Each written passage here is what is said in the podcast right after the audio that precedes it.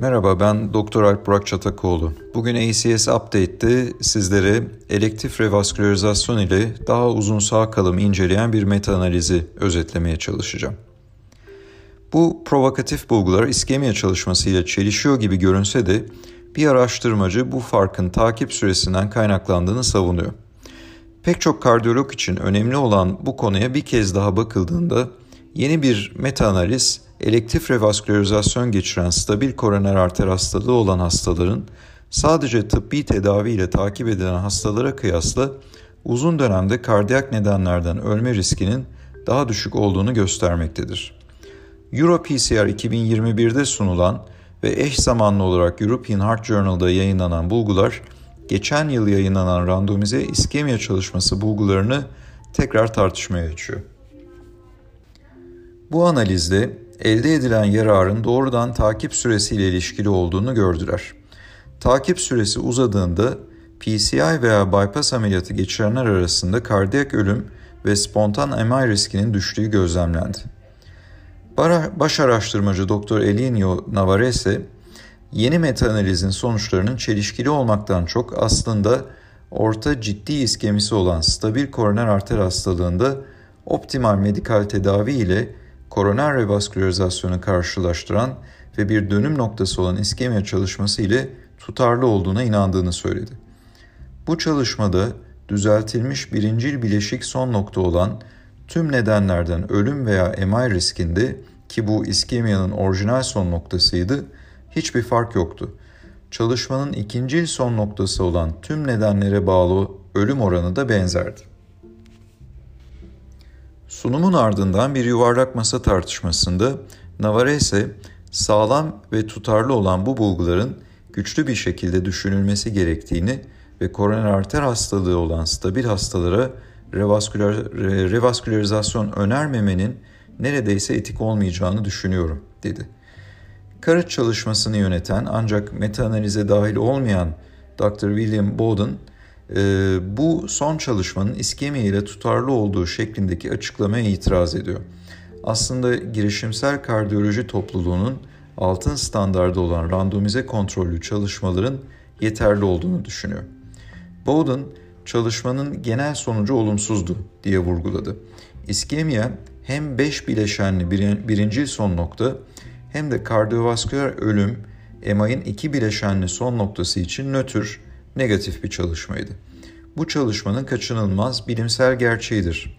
Girişimsel kardiyologlar invaziv stratejinin stabil iskemik kalp hastalığı olan hastalarda heart klinik sonlanımları e, azaltmadığını kabul edemiyor gibi görünüyor, dedi.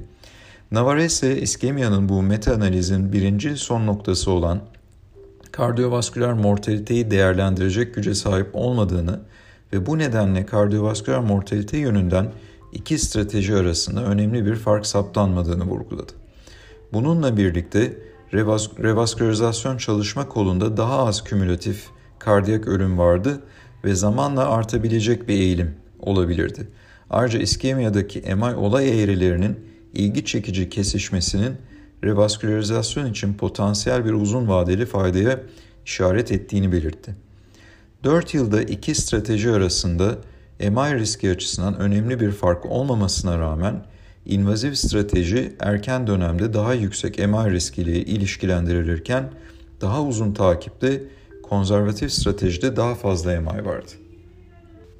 Navarrese bu nedenle revaskülarizasyonun klinik bir faydaya dönüşüp dönüşmediğini belirlemek için revaskülarizasyonun uzun vadeli takip üzerindeki etkisini değerlendirmek istediklerini söyledi. Mesele şu ki kısa takipli denemelere güvenerek hareket etmek zor ki iskemia çalışmasında bu 3.2 yıldı dedi. İskemia araştırmacıları hastaları orijinal denemenin ötesinde 5 yıl daha takip edeceklerini duyurdular.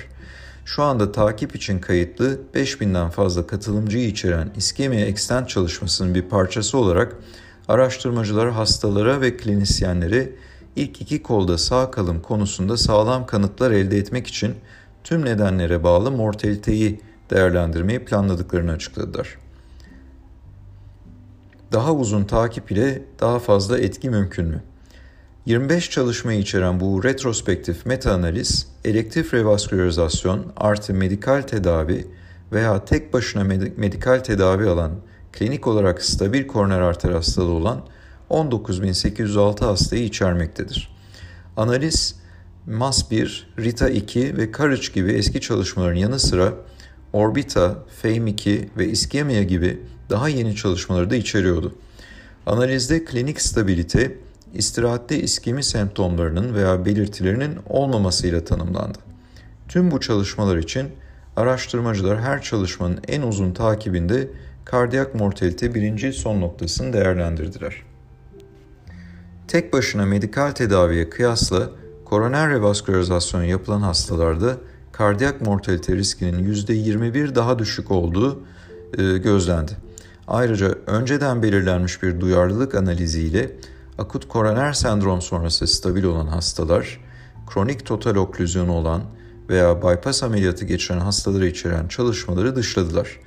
Bu analizde kardiyak mortalite riski revaskülarizasyon ile anlamlı olarak daha düşüktü. Dahası Navarrese randomizasyondan itibaren geçen sürenin bir fark yarattığını söyledi. Takipteki her 4 yıllık artışlar için kardiyak nedenlerden ölüm riski yalnızca medikal tedaviye kıyasla revaskülarizasyon grubunda anlamlı olarak %19 daha düşüktü. Navarrese iki tedavi strateji arasında tüm nedenlere bağlı mortalitenin farklı olmadığını ancak çok yüksek crossover olan çalışmalar hariç tutulduğunda fayda yönünde bulgular olduğunu söyledi. Kardiyak mortalitenin işlem tedavi ile daha doğrudan ilişkili olduğu için daha iyi bir son nokta olduğunu söyledi. Uzun süreli takipte tüm nedenlere bağlı ölümler, kardiyak olmayan ölümün rekabet eden riskleri göz önüne alındığında sıfıra doğru bir bayas oluşturabilir.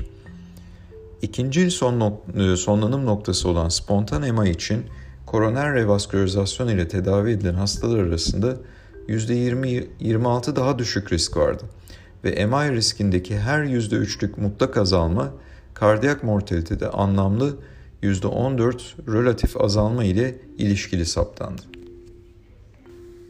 Moderatörlerden biri olan Dr. Davide Capodano yaptığı açıklamada iskemia çalışmasından elde edilen somut kanıtlara rağmen bu araştırmadaki klinik olay eğrilerinin zamanla ayrıldığını belirtti. Meta analizin mantığı mantıklı olsa da e, verebileceği yanıtların sınırlamaları vardır dedi.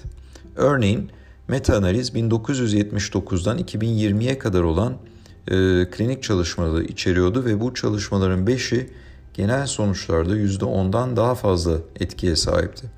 Capodano iki çalışmanın kardiyak mortalitede önemli bir azalma olduğunu ve her ikisinin de nihai sonuçlarının önemli itici güçleri olduğunu söyledi. Bu çalışmalardan biri 1988 yılında yayınlanan ve 12 yıllık takibi içeren European Coronary Surgery Study'ydi. İkincisi 2010 yılında yayınlanan ve 10 yılda sonuçları bildirilen, 10 yıllık sonuçları bildirilen Medicine Angioplasty or Surgery yani MES2 e, çalışmasıydı. Capodano, yazarlar sonuçların eski çalışmalar veya bypass çalışmalarının dahil edilmesinden kaynaklandığını e, kaynaklandığı endişesini ortadan kaldırmak için bu çalışmaları hariç tutacak duyarlılık analizleri yaptılar ve bunun için tebrik edilmelidir dedi. Ancak daha modern çalışmalardan veya bireysel hasta düzeyinde bir meta analizden elde edilen uzun vadeli sonuçlar ileriye dönük hareketleri imelendirebilir ve gelecek kılavuzları şekillendirebilir. Aynı zamanda kardiyak mortalitedeki azalmanın makul bir ilişkiden daha fazla olup olmadığını tespit etmek için de önemli bir adım olacaktır dedi. Medya briefingi sırasında Navarrese, kardiyak ölüm oranındaki azalmanın spontan MI'deki azalma göz önüne alındığında biyolojik olarak makul olduğuna inandığını söyledi. Bowden, invaziv yaklaşımda yarar kanıtları toplamaya çalışan yeni bir iskemiya bütünlük analizde dahil olmak üzere yeni analizlerin devam eden saldırısı olarak nitelendirdiğini ve buna üzüntü duyduğunu dile getirdi. Yuvarlak masa tartışmasında e, Dr. Rasha Aldami çalışma e, sonuçlarını e, sonuçlarını gören birçok kişinin revaskülarizasyonu yeniden kurtardığımız için aniden rahat bir nefes alacağını söyleyerek şaka yaptı. Bununla birlikte diğerleri gibi meta-analizin 40 yıla yayılan çalışmaları içerdiğini ve bu süre zarfında medikal tedavinin gerçekten değiştiğini ve girişimsel tekniklerin de geliştiğini vurguladı. Ve yine de duyarlılık analizinin faydanın çalışmanın tarihleriyle ilgili olmadığını da gösterdiğini hatırlattı. Navarrese e, meta-analiz ile ilişkili e, eleştirilerden birinin agresif risk faktörü kontrolünü ve yaşam tarzı değişikliklerini hedefleyen farmakolojik tedavileri içermesi gereken optimal medikal tedavinin bu eski çalışmalarda nadiren kullanılmış olduğunu kabul etti. Bununla birlikte medikal tedavinin revaskülarizasyon yapılanlara da verildiğini vurguladı. Medikal tedavinin yüzdesi genellikle iki kol arasında benzerdir dedi.